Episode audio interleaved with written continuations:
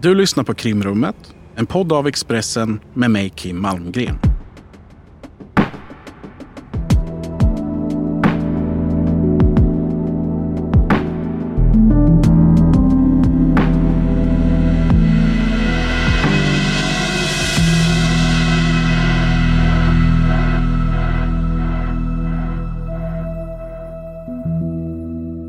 Varje år försvinner runt 25 000 personer i Sverige.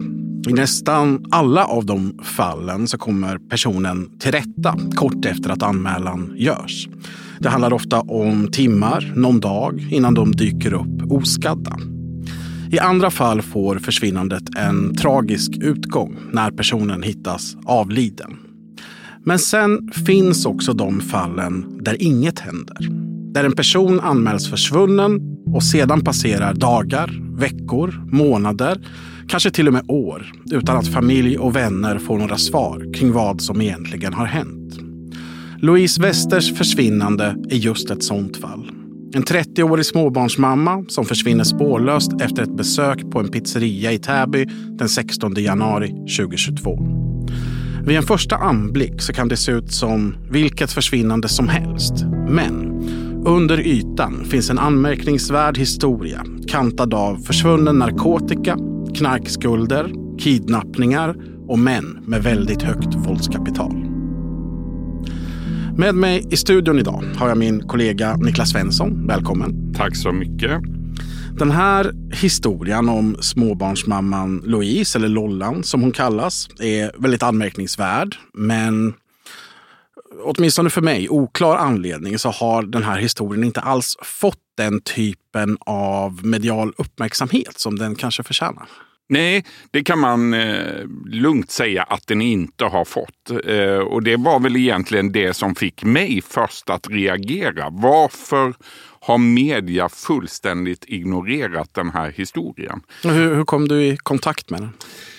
Det var faktiskt en granne till mig på mitt landställe som kände Lollans mamma som kom och frågade mig varför skriver ni inte om den här historien? Och eh, jag började sätta mig in i vad som hade hänt och ta reda på saker om Lollan. Och efter någon vecka så ställde jag mig samma fråga. Varför har media inte skrivit om det här? Varför har vi inte rapporterat? Och något riktigt enkelt svar på den frågan finns nog inte. Ehm, eh, möjligen finns svaret i de kontakter och i det liv som Lollan levde.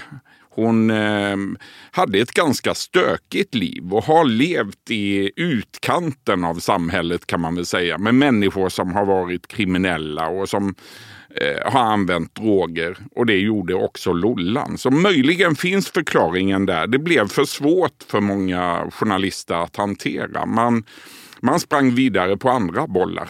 Mm. Och där, där vi andra lämnade den här historien åt sidan så bestämmer du dig för att borra dig ner i detta. Nyligen släpptes en dokumentär här på Expressen som du har gjort. Den tycker jag att man ska titta på efter man har lyssnat på det här avsnittet om det är så att man vill veta mer om hela den här historien. Om vi börjar med Lollan som person innan allt det här händer. Vem, vem är hon? Hon är en eh, ganska eh, stöddig, kaxig person. Man sätter sig inte på lollan. Hon eh, eh, har känslorna utanpå. Hon kan vara otroligt glad men hon kan också vara otroligt förbannad, säger hennes systrar. Eh, det är en bestämd tjej som vet vad hon vill och som inte låter någon annan sätta sig på henne. Man kan också lägga till att Lollan redan när hon gick i skolan var eh, konstnärligt lagd. Hon var eh, intresserad av måleri, hon var en duktig tecknare och hon gjorde tavlor. Hon, hon hade under en tid också ett Instagramkonto där hon publicerade bilder på sina tavlor och teckningar. Och hon hade nog en dröm om att arbeta med det. Eh, det blev aldrig riktigt så, men, men hon släppte heller inte intresset för eh, teckningar och måleri. Hon är samtidigt en småbarnsmamma. Hon har en dotter eh, som idag är sex år gammal som hon bryr sig väldigt mycket om. Hon vill ta sig ifrån det här eh, tveksamma livet som hon lever med droger och med kriminella i sin omgivning. Hon vill egentligen eh, leva ett Svenssonliv. Hon drömmer om att bo i ett hus med en man och med sin dotter och kanske ha en Volvo och en hund och eh, leva ett vanligt liv. Men hon kommer inte riktigt dit. Hon, hon har ganska tajt kontakt med sin familj också, vilket ska lägga grunden till, till mycket av den här historien kanske. Så är det. Hon har ett starkt, ett starkt skyddsnät omkring sig egentligen med en mamma och med systrar som verkligen bryr sig om henne. Och hon har eh, många kompisar. Eh, både kompisar från när hon gick i skolan och människor som hon har känt i hela sitt liv som inte är en del av eh, den kriminella världen.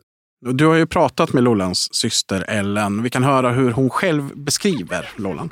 Jag skulle beskriva henne som väldigt glad, eh, väldigt mycket som person, väldigt utåt eh, och ett väldigt stort hjärta och har så extremt mycket kärlek att ge.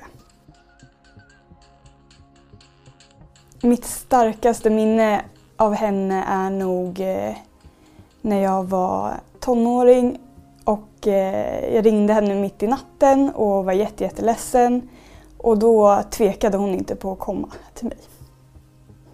Och det är verkligen... Du saknar henne? Jättemycket. Egentligen borde Lollan har kunnat ta sig ut. Och Det finns de som menar att hon var på god väg att ta sig ut ur alltihop. Och hon eh, skaffade under hösten 2021 tillsammans med sin pojkvän ett hyreskontrakt på ett hus ute i skogen utanför Vallentuna, eller i utkanten av Vallentuna kommun.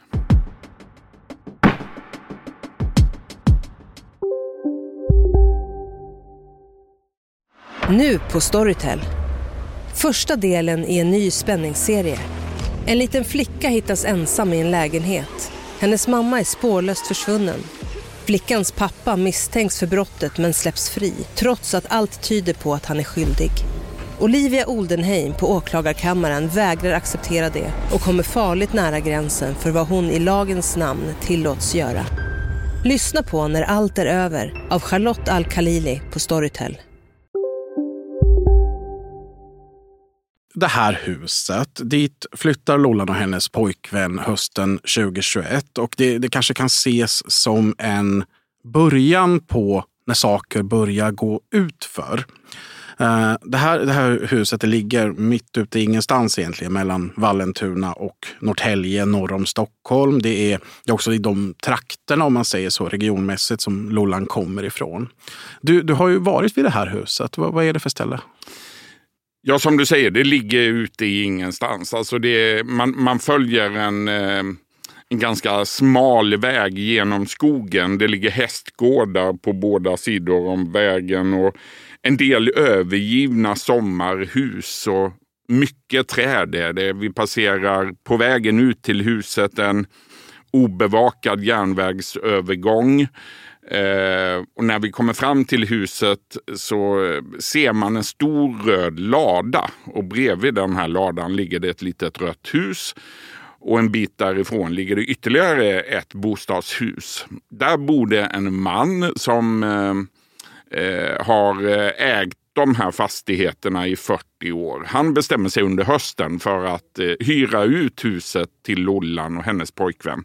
De som tidigare har bott i huset har just flyttat ut och han letar efter en ny hyresvärd. Och Lollan och hennes pojkvän får hyra det här huset i andra hand. Det är inget förstahandskontrakt eh, och man hyr månad för månad egentligen. Men Lollan drömmer ju om det här livet. Hon vill ifrån den kriminella världen och tänker att ute i det här huset, där kan, kan vi skapa oss ett nytt liv, jag och min pojkvän och min dotter. Dottern bor vid den här tiden hemma hos Lollans mamma. Det har hon gjort i ett par år efter beslut i socialnämnden i Vallentuna.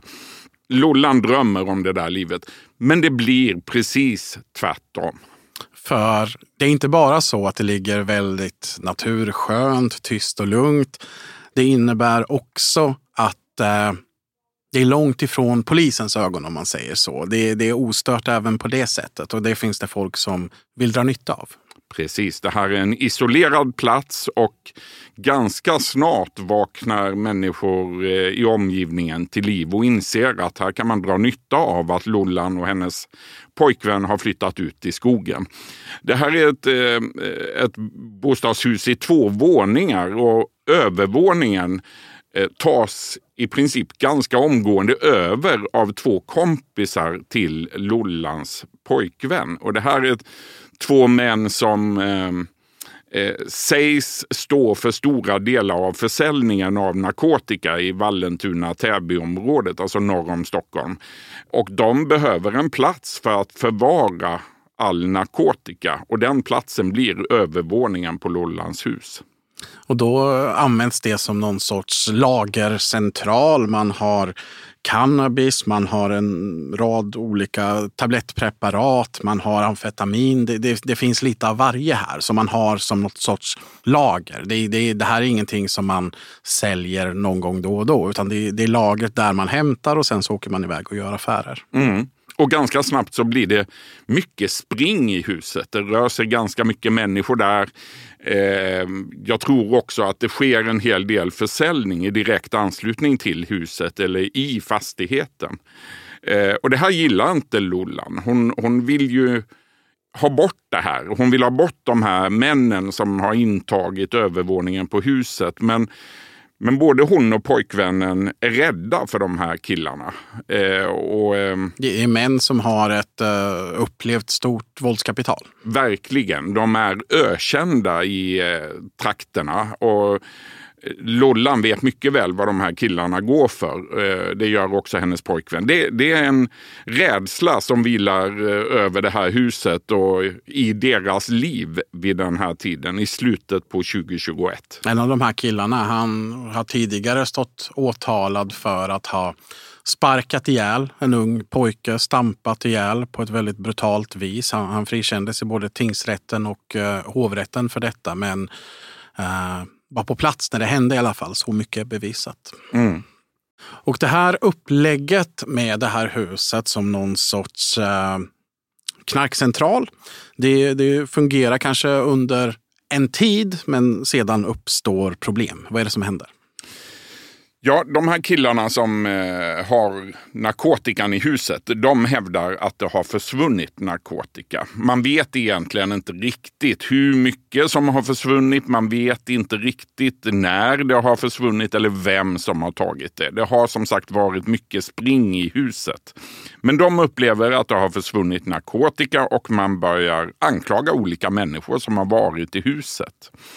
Och, um, Ganska snabbt så börjar man fokusera sig på en person som man tror är ja, narkotikatjuven. Eh, en person som man vet har varit mycket i huset. Han har bott över där.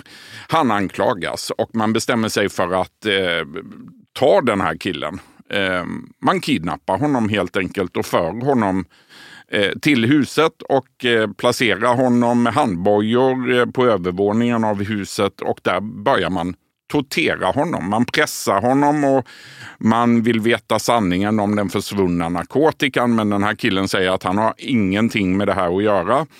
Eh, han hävdar bestämt att han inte har stulit något. Men eh, eh det här människorovet, det bara fortgår. Han, han eh, hålls fången och torteras i det här huset i en veckas tid. Eh, det kommer dit okända människor under den här veckan som är beväpnade. Man har eh, skjutvapen och man, eh, man eh, eh, håller vapen mot hans huvud och eh, iscensätter eh, avrättningsförsök. Och man, man har med sig knivar och skär eh, honom i, i benen. och Bränner honom med tändare. Precis. Sparkar honom. Det är, det är, väldigt brutala händelser som, som sker här. Ja, så är det. Och i allt detta så finns ju också Lollan i huset. Hon är, hon är inblandad i detta på sätt och vis. Ja, hon vet ju vad som händer. Och till saken hör också att den här mannen som eh, sitter då kidnappad i huset och som utsätts för den här tortyrliknande misshandeln. Han, han är en barndomskamrat till Lollan. Hon har känt honom i väldigt många år. och... Eh, Eh, Lollan tycker att det är fruktansvärt att han hålls fången i hennes hus. Eh, hon försöker hjälpa den här mannen. När eh, männen som misshandlar honom inte är på övervåningen, då smyger Lollan upp dit och ger honom saft och eh, tar med sig mat. Hon smyger till honom saker så att han ska överleva. Eh, han upplever själv att det är Lollan som räddar hans liv under den här veckan. Hade det inte varit för henne så hade han förmodligen dött där i huset, säger han. Du har ju intervjuat den här mannen i den dokumentären som har släppts. Jag tänker vi kan lyssna lite på hur han själv beskriver det här. Det kom en kille, jag kommer inte ihåg vilken dag det var, jag tror det var dag tre. Kom det upp en kille där, helt jag har aldrig sett honom förut. Som, som sätter sig framför mig på, på alla fyra och tar tag i min fot och bara skär sakta med kniven så här. Uh, då, då, kände jag också att nu, nu, nu, det här är dagen som jag dör. Liksom. Det, så är det. Så småningom så släpps den här mannen fri. Då, då har han varit kidnappad i en vecka ungefär. Mm.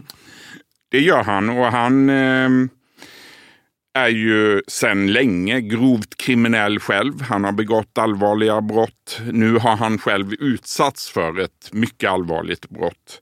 Eh, men han eh, väljer att inte själv ta kontakt med polisen utan det är ett anonymt tips som kommer in till polisen eh, som berättar om vad som har hänt i huset. Och, Skälet till att han ens släpps på fri fot är att han dyrt och heligt lovar egentligen allting som de här männen kräver av honom.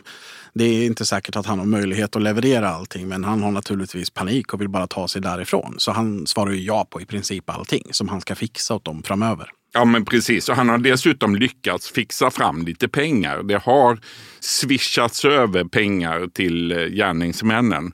Eh, så att eh, han, han lyckas bli fri. Han, han släpps därifrån mot löftet, eh, precis som du säger, att hjälpa dem framöver. Men allting tar inte slut där. För på den här knarkcentralen så det, det går en liten tid. Men sen så menar de här killarna då att ännu mer narkotika har försvunnit. Mm. Runt årsskiftet så utbryter det panik i huset. Då eh, upplever de här personerna som eh, ansvarar för narkotikan att det har försvunnit ännu mer. Och man anklagar till höger och vänster människor. Men framförallt så riktar man anklagelserna nu, nu mot de som bor i huset mot Lollan och hennes pojkvän. De var ju lite fredade i den första händelsen, men nu är det istället de som är i skottgluggen. Precis så. Och de anklagas för att ha stulit narkotika och för att eh, eh, har släppt in människor i huset som inte ska vara där. Och Det här får allvarliga konsekvenser, inte minst för Lollan. Hon, hon har ju, eh, som vi varit inne på, ett eh, kontaktnät, ett ganska stort kontaktnät med människor som inte är en del av den här världen. Och gärningsmännen de ser att hon skulle ju kunna fixa fram pengar. Men det klarar inte Lollan. Hon, hon försöker. Hon kontaktar nästan alla vänner hon har. Hon åker runt och försöker ordna fram pengar, men det går sådär. Det, det är möjligt att det här blir starten på en andra kidnappning där, där Lollan är utsatt. Det här är ingenting som har utretts för Lollan är försvunnen. Men vi vet vad hon har berättat för vänner och bekanta om, i samband med den här tiden. Mm, I början på januari så försvinner hon. Åtminstone upplever hennes familj att hon är borta. De får inte tag i henne, hon svarar inte i telefon, man vet inte var hon är. Hon har i efterhand själv berättat för vänner att hon eh, bland annat förts ut i skogen och blivit hotad med vapen. Man har eh, riktat en pistol mot henne och haft den mot hennes huvud och hon har misshandlats. Det här berättar hon eh, för sina vänner. Men familjen som inte får tag i henne väljer att kontakta polisen. Man anmäler henne försvunnen Och eh, det dras igång en, en eh, sökinsats. Den 9 januari kommer beskedet från Lollans mamma om att Lollan är försvunnen. Eh, polisen åker till det här huset i Kåsta Rickeby några dagar senare och letar efter Lollan. Då, då, då, har ju Lollan släppts ur den här kidnappningen om vi ska kalla, kalla det för det. Precis, men hon letar fortfarande desperat efter någon som kan fixa fram pengar. Det sägs att hon har en skuld vid det laget till de här kriminella männen som har tagit över övervåningen på huset på 200 eller möjligen 250 000 kronor. Det är pengar som inte Lollan lyckas fixa fram.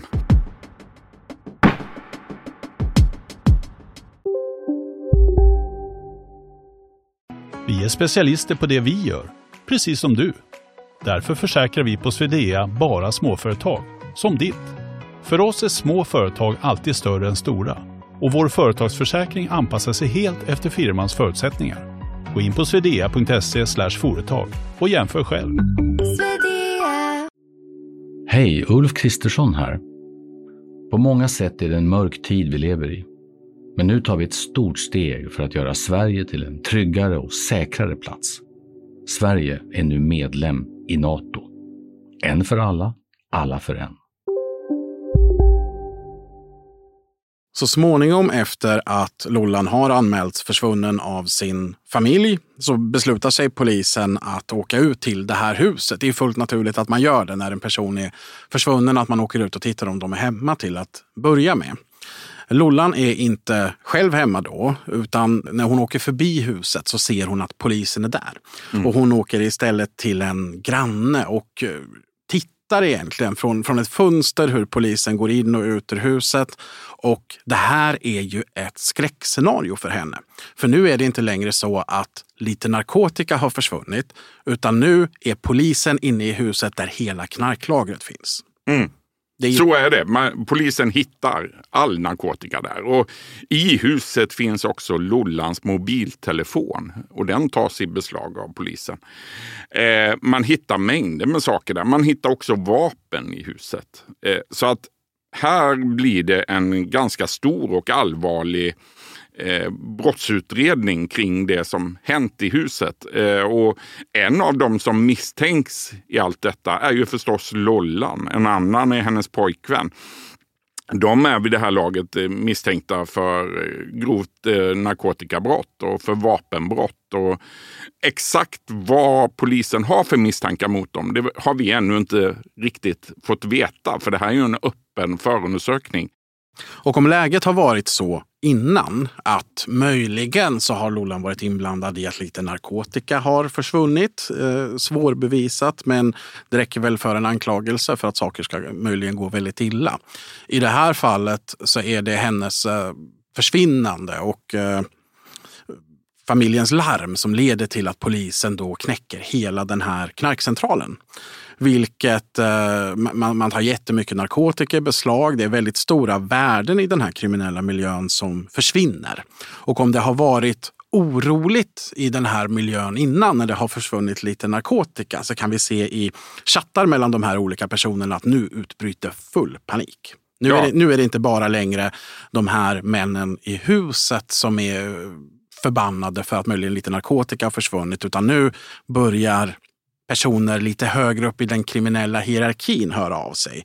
Man börjar höra från chefen i Spanien till exempel och hantlangare på plats här i Sverige. Människor som uppenbarligen står högre i hierarkin än de här två killarna som har varit i huset. Ja men precis så är det. Och det här, allt det här går ju ut över Lollan och hennes pojkvän också.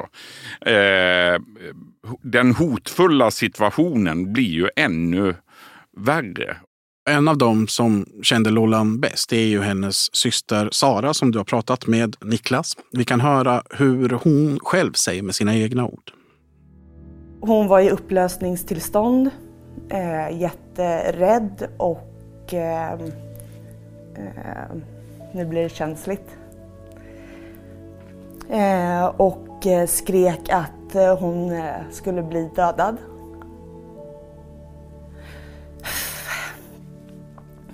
Ehm, hon sa att de måste få in eh, 250 000 eller vad det var. Eh, annars kommer hon bli dödad. Eh, och jag ehm, tog inte riktigt det på allvar för jag tänkte, jag bara ifrågasatte, vem, vem kommer mörda er? Liksom, eller dig? Nu är Lollan och hennes pojkvän inte bara jagade av de här två männen och eh, av deras eventuella chefer någon annanstans ute i Europa. De är också jagade och misstänkta av polisen. Så att här är det desperation på riktigt. Eh, och nu är vi någonstans i eh, mitten på januari. Vi är kring den 12-13 januari och Lollan är på flykt. Man kan se i de här chattarna att det finns en otrolig pengapanik. Det är inte bara Lollan och hennes pojkvän utan det är även de här två männen över. Eh, budskapet från, från de här som är högre i hierarkin är väldigt tydligt. Pengar ska tas fram. Ni är skyldiga pengar och ni ska lösa det här för annars kommer det gå åt helvete för er. Och man, man pratar om alla möjliga olika saker som man skulle kunna tjäna pengar på. Man åker runt och, och letar efter backs. Man pratar bland annat om att utföra skjutningar i utbyte mot betalning. Eh, kvinnor som finns i den här miljön, det, det pratas om att de ska prostituera sig. Eh, det ställs frågor om eh, hur olika kvinnor i den här miljön ser ut för att man ska räkna lite på hur mycket pengar man skulle kunna dra in om man skulle prostituera dem. För det är någonting man har gjort förut också, säger man, eh, från det här hållet. Men det är uppenbart att alla inblandade här har panik. Ja, så är det. Det är en desperation som eh, saknar motstycke i, i det här gänget. Eh, och förmodligen är det så att eh, nu är det inte bara Lollan och hennes pojkvän som är pressade på pengar. Utan nu är också knarkförsäljarna själva pressade på pengar ifrån leverantören eh, i Spanien eller någon annanstans i Europa. Och alla inblandade verkar väldigt införstådda med att det här handlar om liv och död. Det här, det här är inte så att någon är arg på dem, utan det här handlar om deras egen överlevnad egentligen. Ja, men precis så är det. Och så upplever också Lollan det. Hon, hon är rädd för sitt liv. Hon, hon berättar för vänner att hon, hon känner att hennes liv är i fara. Det pratas också om att Lollan ska fungera som någon sorts eh, säkerhet. Att medan de här andra männen då kanske ska göra någonting kriminellt som ska inbringa pengar så ska Lollan gå till någon lägenhet och fungera som säkerhet. Och att om inte de lyckas med det som de ska göra så kommer hon att råka illa ut och det är då deras fel. Och det är ju ett av alla möjliga spår som finns här. Det finns ju ganska många. Det är egentligen så här som situationen ser ut när Lollan försvinner. Vi är framme vid den 16 januari. Lollan är på en pizzeria i Täby. Mm. Det är det sista vi vet. Det är det sista vi vet. Eh, om vi backar ett dygn till den 15 januari så har hon då en sista kontakt med sin mamma. Hon får 200 kronor via Swish. Eh, mamman tror att de här pengarna ska gå till en eh, fika. hon har också en sms-kontakt med sin väninna Linda Eklund. Eh, hon, Lollan, eh, gömmer sig då tillsammans med sin pojkvän på ett hotell, ett eh, long stay hotell i Täby. Och hon vill bli hämtad av väninnan Linda dagen därpå, söndagen den 16 januari. Eh, och väninnan går med på det. Hon bestämmer sig för att hämta eh, Lollan och eh, på söndagen så åker de runt till ett antal vänner till Lollan. Man är också hemma hos någon släkting och allt i syfte att få loss pengar. Lollan försöker in i det sista att fixa fram pengar. Men, men det går inget bra den här söndagen. Hon får inte loss några pengar. Och det slutar med att väninnan skjutsar henne till eh, Gribbylunds centrum i Täby. Eh, de bestämmer sig på eftermiddagen eller framåt kvällen att för att gå till pizzerian och de är inne på pizzerian i en timme ungefär. På kvällen så eh, lämnar de pizzerian, går ut genom dörrarna eh, går till en bil som står parkerad en liten bit därifrån, kliver in i den bilen och sen åker den därifrån. En granne som vet vem Lollan är ser dem kliva in i bilen och det är den allra sista observationen. Där försvinner hon. Sen dess har det gått ett och ett halvt år. Lollan har varit försvunnen under hela den tiden. Det finns ingen som har fått något livstecken från henne. Inga livstecken. Eh, man har inte tagit ut några pengar på hennes kort. Eh, hon är bara borta. En tanke är ju att hon skulle kunna hålla sig undan frivilligt. Hon har den här pressen på sig från den kriminella miljön. Vad tror man om det? Ja, det finns ju naturligtvis de som hoppas på att hon eh, skulle leva under någon slags beskydd av polisen för att hon eh, har gett information. Men det finns ingenting som talar för det. Det har gått så lång tid nu och även familjemedlemmar har förlikats med att Lullan är död. Eh, man tror att hon har blivit dödad av de här männen som befann sig i hennes hus. Eh, man tror att hon har blivit kanske skjuten i huvudet och sedan dumpad. Eh, att man har dumpat kroppen i kanske en övergiven brunn eller att man har grävt ner henne. Det här är ju mitt i vintern. Det här var i januari 2022 som hon försvinner. Så att eh, mer sannolikt är kanske den här teorin om att hon skulle vara dumpad i en brunn. Och jag vet att också anhöriga och vänner till Lollan har varit ute själva och letat i brunnar. Men nu ett och ett halvt år senare så är hon fortfarande försvunnen. Man vädjar ju, både polisen och eh, släktingar till Lollan vädjar ju om tips. Man vill egentligen bara att kroppen hittas så att man får ett avslut. Eh, det säger båda, båda hennes systrar också i vår dokumentär. att det är det enda man önskar. För dotterns skull och för de anhörigas skull så vill man hitta Lollans kropp så att man kan få en begravning eller få ett avslut. Det är också någonting som tas upp i dokumentären att i ett och ett halvt års tid nu så har den här sexåriga dottern återkommande ställt samma fråga. När kommer mamma hem? Mm. Så är det. Det är svåra frågor att hantera för Lollans mamma som ju nu har vårdnaden om dottern. Eh, och för väninnorna som också träffar Lollans dotter. Eh, det är naturligtvis väldigt tufft. Eh, den här lilla flickan hon undrar ju varför mamma inte kommer hem.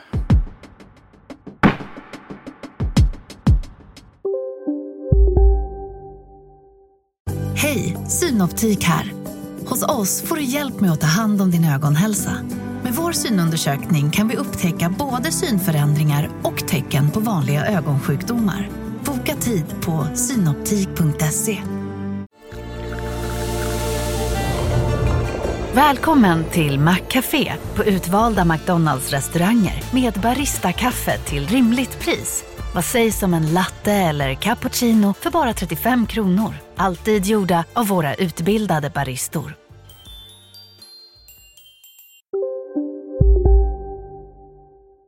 Vad vet vi om utredningen?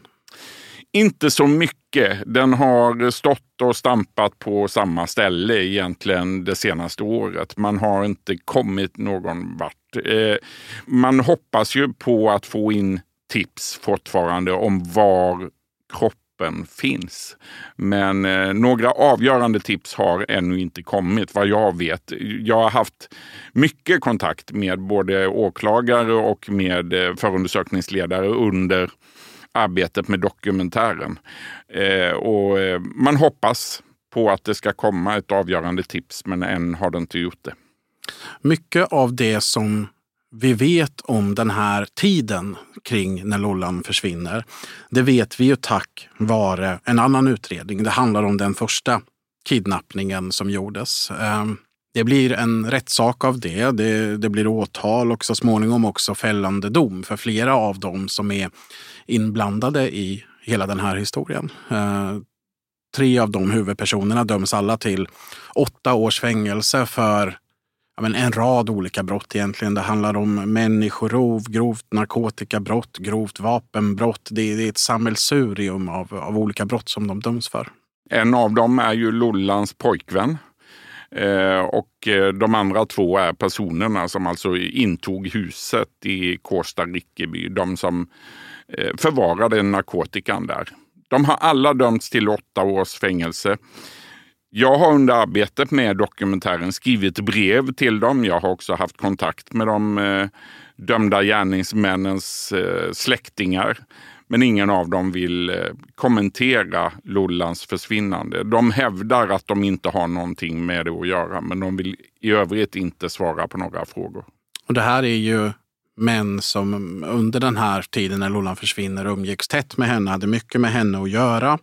Eh, de är inte misstänkta i utredningen, men de är väl intressanta i utredningen. Så kanske man kan uttrycka det. Ja, så kan man absolut uttrycka det. Eh, det har också polisen bekräftat för mig att det här är tre personer som har befunnit sig i vart fall nära Lollan i samband med hennes försvinnande. Och de eh, bör rimligen ha mer information än vad de har lämnat hittills. Här har vi Lollan som helt plötsligt bara försvinner. Det borde rimligtvis finnas människor som vet vad som har hänt. Tror du att, tror du att människor är rädda för att berätta? Ja, jag är övertygad om att det är just så. Det finns ett antal personer eh, som vet vad som har hänt Lollan som är tysta av rädsla. Det är jag helt säker på. Men eh, egentligen så har man i nuläget inte så mycket att vara rädd för. Tre av eh, de utpekade personerna sitter bakom lås och bom och de gör det under ganska lång tid.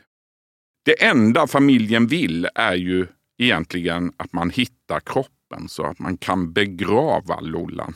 Så vi har tillsammans, tror jag, liksom eh, stöttat varandra och både gråtit och skrattat eh, och eh, försökt leta själva och försökt agera på det som vi orkar och kan för att hitta Lollan. Jag tror att hon har eh, blivit dödad av eh, de här killarna som hon umgicks med eh, i Kårsta. Hon var väl ett hot för gänget, tänker jag. Att hon kanske har sagt att jag kommer berätta för polisen eller whatever. För hon skulle likväl kunna hota dem tillbaka. Hon visste för mycket? Ja, jag tror det. Jag hoppas att hon hittas så att vi kan få ett avslut och begrava, eller en begravning i alla fall. Eh, så att vi kan få sörja ordentligt. Eh, ge svar till hennes dotter. Jag önskar att jag kunde ha agerat annorlunda. Jag kunde ha tagit in henne och bara hållit henne här och kramat om henne hur mycket som helst. Eftersom polisen åkte till huset i Kårsta och det blev det här problemet med pengar och allt det så tror jag att de antingen kan ha pressat henne, börjat få panik och hon har sagt att jag vill inte vara i det här längre. Fuck er.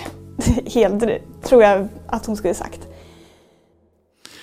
Och är det så att du sitter på någon information, kontakta då polisen i första hand. 114 114 14 du kan vara anonym när du kontaktar polisen också, via nätet. Men om du av någon anledning inte kan, vill eller vågar kontakta polisen, ta då kontakt med oss på Expressen. Du kan skapa en anonym mejladress och kontakta oss. Skicka ett mejl med en adress eller skriv ett brev. Återigen, du kan vara helt anonym. Det här är naturligtvis en historia som har påverkat många och där det skulle betyda mycket för många om man kunde få ett avslut. Så är det verkligen. Vi sätter punkt för den här veckans avsnitt av Krimrummet. Tack Niklas Svensson för att du ville vara med. Tack så mycket. Om du som lyssnar har nyhetstips, synpunkter, frågor så kan du höra av dig till mig på kim.malmgren.expressen.se. Ett nytt avsnitt av Krimrummet kommer nästa vecka. Lyssna då.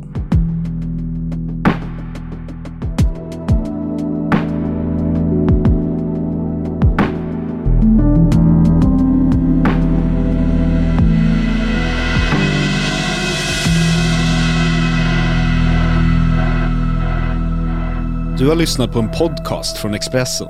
Ansvarig utgivare Klas Granström